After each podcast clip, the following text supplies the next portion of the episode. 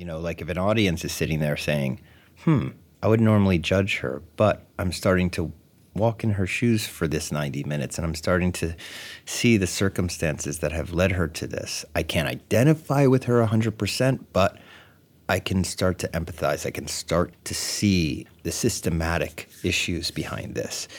That's important to me.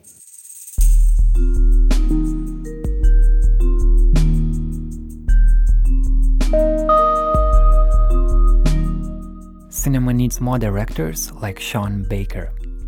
His films show problems in the American society, but instead of forcing you to cry, they give you a very special kind of joy and human connection. And you still may cry at the end. From the studio in Vilnius, this is Karolis Vyšniauskas. You're listening to Nyla Podcast, a place where we try to make sense of the modern world.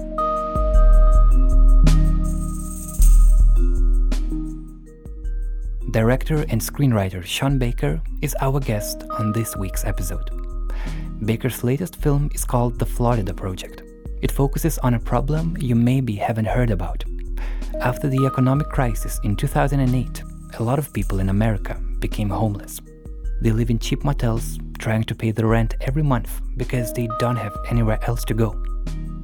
The Florida Project tells the story of a young mother and her seven year old daughter living next to the Disney theme park.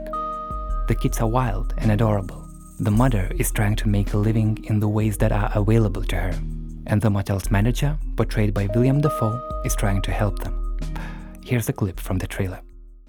Thank you very much. You're not welcome! The man who lives in here gets arrested a lot. These are the rooms we're not supposed to go in. But let's go anyway. Could you give us some change, please? The doctor said we have asthma and we gotta eat ice cream right away. Here you go. Hey, Lee, we got a situation here. Open up. It's only second week of the summer and there's already been a dead fish in the pool. We're trying to get it back alive. Water balloons thrown at tourists. Boobies! Boobies! I failed as a mother, Moni. You Yeah, Mom, you're a disgrace. The Florida Project is the best movie you will see this year, wrote rapper Drake on Instagram. The Atlantic named it one of the best films of 2017. We were lucky to meet Sean Baker in Vilnius at the festival Kino Pavasaris. It was his first trip to Lithuania. The Florida Project has a special Lithuanian connection. The mother's character in the film is portrayed by Bria Vinaite. The actress lived in Lithuania when she was a child. Baker found her on Instagram and she created a stunning character, even though she had no acting experience before. Unfortunately, right before the trip, Bria lost her passport. She couldn't fly to Lithuania to present the film. So here's our talk with Sean Baker. It's quite ironic that for a talk about homeless people, we are meeting at one of the fanciest hotels in Vilnius. Every time they we do press in a different city, they set us up in one of the best hotels in the city, which is complete contrast to the subject matter of the film. What can you do? You know. You had a screening yesterday in Kaunas, and that was quite emotional because Bria's grandmother came to that screening. Uh, could you tell more about it? How did that go? Because that was unexpected. 100% unexpected. Uh, two women suddenly approached the stage in the middle of our Q&A. We didn't know what was going on. Then I heard through the translator that she was Bria's grandmother. Yeah, it was very nice.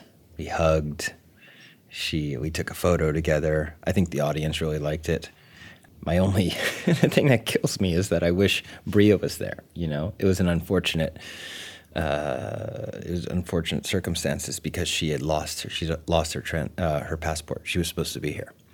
That's really sad, especially when, yeah, when you see her in, in the film and she's like so good. I think that everyone who watched that film became a fan of her. It's really fascinating. How did you how, how you found found her without any acting experience? Because when you watch that film, it seems that you saw her in some other film, but then you think again and you and you re- realize no, it's her like debut film. So I'm wondering, is she just natural talent, or you you kind of help her to be so natural and so good at acting? I think she's a natural. of course, we had to, she was 100% green, meaning she was 100% inexperienced. She didn't even have a day of acting before this. But when somebody has that talent, it's just that it has to be brought up to the surface. You know, it has to be. Uh, I knew there was something inside her. She was a. Uh, she had her the energy, the the the wit, the self-deprecating nature, the fact that she had a little bit of a rebellious streak in her. She had this physicality. All the things added up to tell me that if she actually can act, it will work. So you have to test that person. You have to bring that person in and see if, if he or she works for the role, and um, and whether they get intimidated, and whether they they shut down, or whether they just understand the concept of acting in general. I mean, that's a big deal throughout my career, I've had, you know, I've been very lucky because I've found a lot of first timers who shine. You know, I made a film called Starlet. We found an 86 year old first timer in that film. I mean, the last film, Tangerine, had uh, two first timers that I basically cast off the street. And then, of course, with this film, there's Bria. But it doesn't always work, trust me. It doesn't always work. I mean, I've been lucky, but there's also been all of those times that I've tested somebody who you realize doesn't work like you you meet somebody who has the um, an amazing persona an amazing physicality you put the camera on them and they don't know what to do they just shut down they act very fake they can't be natural they have to have that ability inside you just have to bring it out do you think uh, because we can see that Bria's acting experience was on Instagram, she had a yes. lot of like short videos for uh, the internet. Do you think that people nowadays who are active Instagram users, they are just more used to cameras because they have a camera every time with them. There's most definitely that going on too. That's another thing about Bria that put me at ease a little bit, knowing that she's already putting herself out there. I didn't think that confidence would ever be an issue because she's already displaying herself, and to a certain degree, the way that Instagram works. You, you, you know, you know this. It's just basically when somebody takes a selfie, you're probably taking about 40 selfies and you're choosing the one that works. I mean, it's already a performance to a certain degree. So I think you're right about that. And also, the same goes for the kids. It seems that you kind of made them to be really open and, and be really wild. I mean, because what is with the kids that if you don't have a connection with them, you just they just ignore you. You can ask them to do something and they wouldn't do. Mm. But in your case, it seems that they did all the wildest things that you asked them to do. Um, how did you work with, with them? Well, I, these kids, um, some came with experience, some didn't. Brooklyn Prince had a little bit of experience. She had a couple of commercials that she had done and a small independent. Christopher Rivera and Valeria Cotto, Aiden Noisy, who is the fourth child, the one that leaves halfway through the film, they um, oh no, I'm sorry. Aiden had experience as well, but the other two didn't. And so, it comes down to uh, making the environment comfortable for everybody, um, making it. You know, these kids were shooting over the course of a summer. We didn't want them to feel as if they were ever working. We didn't. I didn't want to be their boss. I wanted to be their friend, so that they wouldn't think that they're working. They wouldn't feel like I'm stealing the summer from them. So there's that. Number one, putting them in an environment in which they feel as if they're having fun and they can do whatever they want without, to a certain degree, of course. And then on top of that, they were also extroverts, you know, not introverts. I didn't, they would never get embarrassed. They wouldn't shut down. If I asked them to do something that strayed a little bit from the script, they would try it and we'd all laugh about it. If it didn't work, uh, let's do something else. Uh, the wonderful thing about it is that these kids were also so intelligent, so funny that it often did work. And I should add, for both the kids and for Bria, that I had an acting coach on the film, and she, her name is Samantha Quan, and she.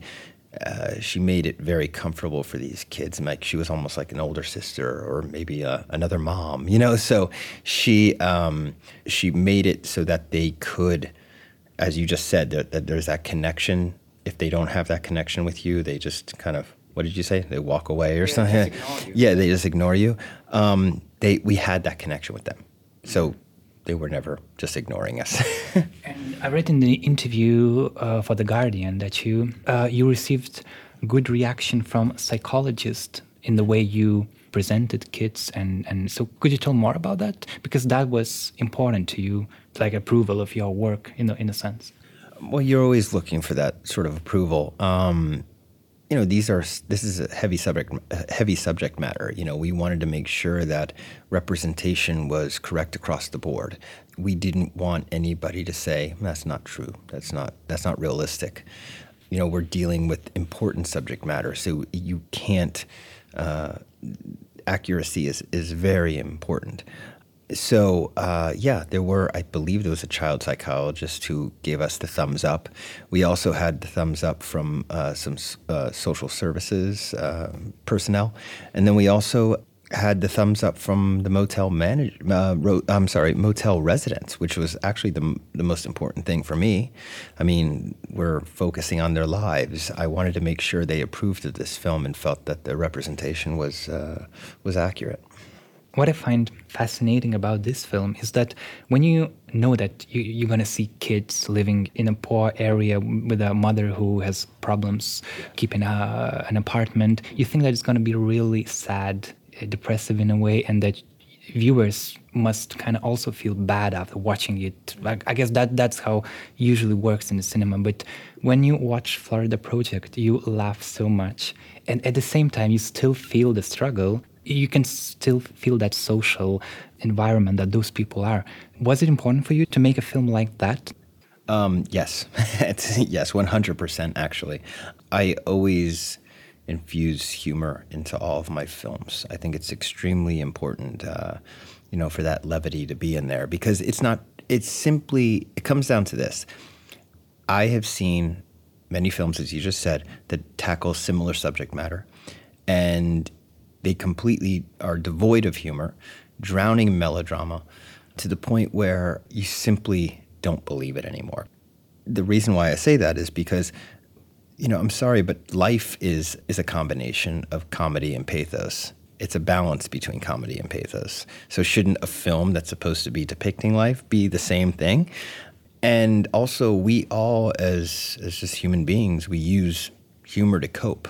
So for me not to infuse that into into both behavior of the characters, but also into the style of the film, I just felt it would really be untruthful. That's the first part about it, and the second part about it is that remember this this this medium of, of film is uh, you know of cinema is uh, first and foremost we think of it as a form of escape. You know, we we go to the movies to escape for entertainment purposes.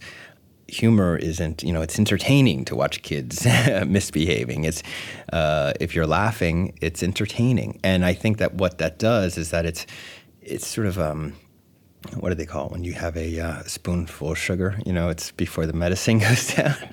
That's it right? Uh, you're basically uh, delivering a message to an audience in a way that's easily digestible and also not easily digestible, but easy, it's it's more digestible, let's say, than just you know again that heavy, heavy melodramatic approach. A lot of critics said that this film had to be nominated for an Oscar, but it wasn't, and that seems unfair, right? Well, did, did, did, you, did you did you think that it was unfair that it wasn't nominated? No, no, because you know ultimately it's um, it comes down to the amount of money put into a campaign. The Academy members have to see your movie. We were a smaller film. You know, we didn't have the reach that the studios did.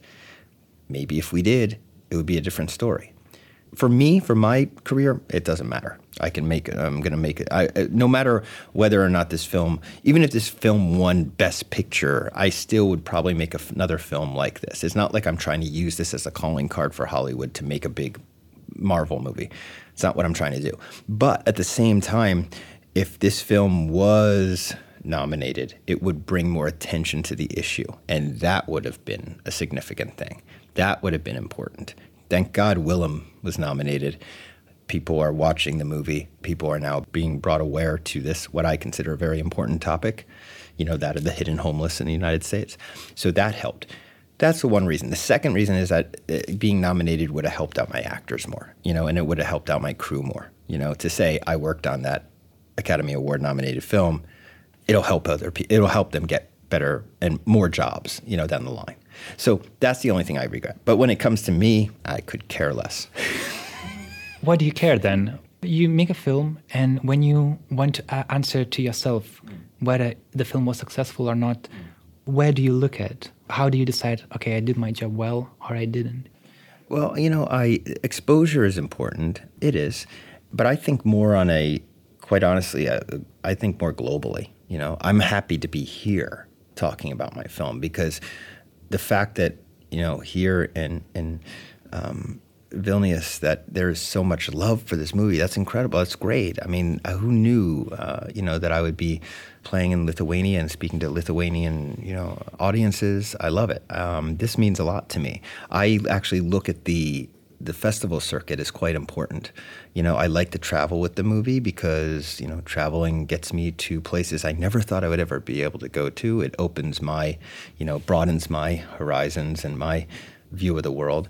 So to tell you the truth, the festivals mean a lot to me. Um, playing at Cannes was like life changing for me.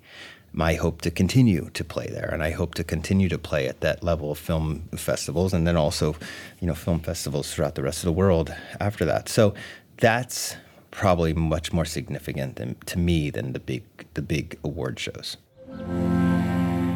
New job? Yeah. If you're working, who's looking after Moni? You're not my father. I don't want to be your You father. can't treat me like this. You don't think everybody knows what's up, Haley? Everybody. She's about to cry. I can always tell when adults are about to cry. Why is my mom Another thing that I really liked about the film, watching uh, it from this like Lithuanian perspective, is that you don't judge any of the characters. For example, I imagine if a person like Bria would be here in Lithuania, a lot of people would ask her, "So, where is the father of your of your child? Why, why did you end up in this situation? You make one bad choice, then you make another bad choice, and it's your fault that you are in this situation. Basically, a lot of people would think like that. And your film is so empathetic. Like you see, you show her making those wrong choices, but kind of at the same time, you understand why she does that, and you don't feel, as a viewer, you still support her. It is really empathetic way of filmmaking. I guess this is really important to you, not to judge. not only not to judge, but to perhaps question why you would be judging. You know, like if an audience is sitting there saying, hmm, I would normally judge her, but I'm starting to walk in her shoes for this 90 minutes and I'm starting to see the circumstances that have led her to this. I can't identify with her 100%, but I can start to empathize. I can start to to see, you know, the the the systematic issues behind this. That's important to me, you know, to have audiences starting to say, why do I judge and how do I judge? when you are here in Europe, there's really a lot of differences between European cinema and American cinema. And when you watch Florida Project and all previous films of yours, they seem so American. Are you any, in a way, inspired by European cinema? Do you watch it? Do you enjoy it? Oh, I think I'm more influenced by European cinema than US cinema, most definitely. And there's no doubt about it. And Asian cinema. For me, the significant, you know, I would say chapters in film history would be, you know, uh, Italian neorealism, British uh, social realism. The Dogma 95 movement had an incredible impact on me out of Denmark. And, and uh, so overall, you know, I look to the Europeans as the progressive thinkers in, in cinema and the, and the Asians and you know Japanese cinema as well. So, yeah. I mean that, that that being said, you know U.S. cinema has, has been pretty strong as of late, um, but nothing will ever compare to the U.S. cinema of the '70s. That was when we were in our heyday. That was when we were uh, that all bets were off, and we were taking a lot of chances and risks. And the films that come that you look at from that new Hollywood era of the 70s, especially early. Uh, just incredible. What happened if, if, Oh. if, if, uh, that Americans don't feel films as good as they used to do? Or maybe the cinema in general? Because there are people who are saying, oh, like today's cinema is just nothing new. It's like the same story just told uh, again and again. Don't people blame uh, Jaws? Isn't that the blame? Jaws was the first blockbuster, and then it just killed everything. Not it, it created some amazing things. I mean, look, I wouldn't be here. like I, of course, of course, I wouldn't be talking to you right now if it wasn't for Close Encounters of the Third Kind, because that was such a big deal for me. So Spielberg actually is a hero of mine, but at the same time, it was the studio's reaction to his success that changed everything. Because they said, "Oh, we are the let's just only make these films from now on and stop that middle of the road." You know, we used to the, the studio system used to they were financing films by by Altman, you know, um, by uh, all the other wonderful. I can't. I'm I'm I'm starting to lose it. But you know, all the other uh, wonderful uh, directors of the '70s. You know, Hal Ashby, et cetera. These were studio films. That will ne- that does not happen anymore. That does not happen anymore. I mean, who is Paul Thomas? Did Phantom Thread was that independent? Yeah, Phantom Thread's independent, right? It's all independent. I don't think there's one really like. Uh, any films in that model that actually are made by the studio system anymore. It's completely changed. Yeah. But for you, you still have ideas. You still have. I, I mean, you, you're still inspired by the situation that, that that cinema is right now in. I am because of films like Get Out that take a classic, you know, genre and subversively get an uh, you know an audience of, of millions to to start talking about race relations. Hell, hell yeah, that's that's that's fantastic. But that's because Jordan Peele is a genius, you know. Um, it takes those little geniuses to to stir things up. And again, if you think about it, it's kind of an independent film. It's done through Blumhouse and put out. Yeah, uh, yeah budget, as I remember. around four million, I believe. So, yeah, yeah. So there's hope in that place. We have to look at the new, you know, the mini studios, and we have to look at these private financiers who come in and take risks um, and give independent filmmakers, uh, you know, a good. You know, we're not looking for ninety. You know, we're not looking for fifty million dollars to work with. Sometimes we're only looking for a couple million dollars to work with. but that, that was the budget of Florida Project. Two million. no, no, uh, it's around three. It's a little over three. It's been misquoted Still as two. like Yeah. Hollywood circles, that's like a really, really tiny number. I know it's funny because it feels big to me. I mean, like I sometimes I feel bad about saying it's over three because uh, because I'm in that mentality of like we have to keep small, small, small. But to tell you the truth, I mean, we were still extremely thrifty. I think we pulled off an amazing thing for three million. We have like 35 days. We have children. We have 35 millimeter. We have multiple locations. We have Kool and the Gang celebration. so you know, I think we are pretty damn thrifty. Um, yeah. So so I think you did a, you did a great job. Thank you, Sean. Thank you for the film and thank you for the interview. thanks for having me. If you are in Vilnius, you can see the Florida Project in cinemas from April 6th.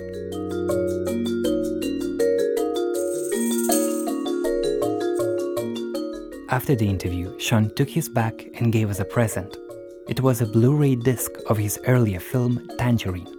This film follows two transgender sex workers in Los Angeles. Tangerine was shot entirely on iPhones.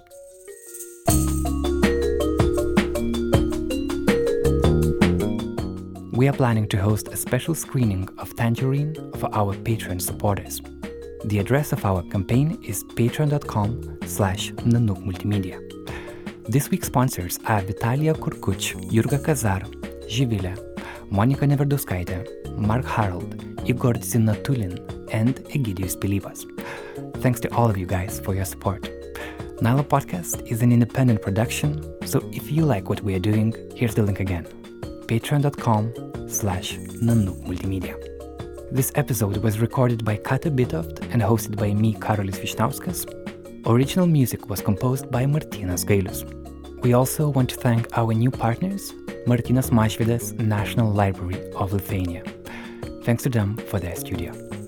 If you want to see how our meeting with Sean Baker looked, go to nilo.lt and you'll see the pictures taken by our photographer, Berta Tilmantaitė. That's it for today. Thank you for listening. See you next Tuesday. Take care.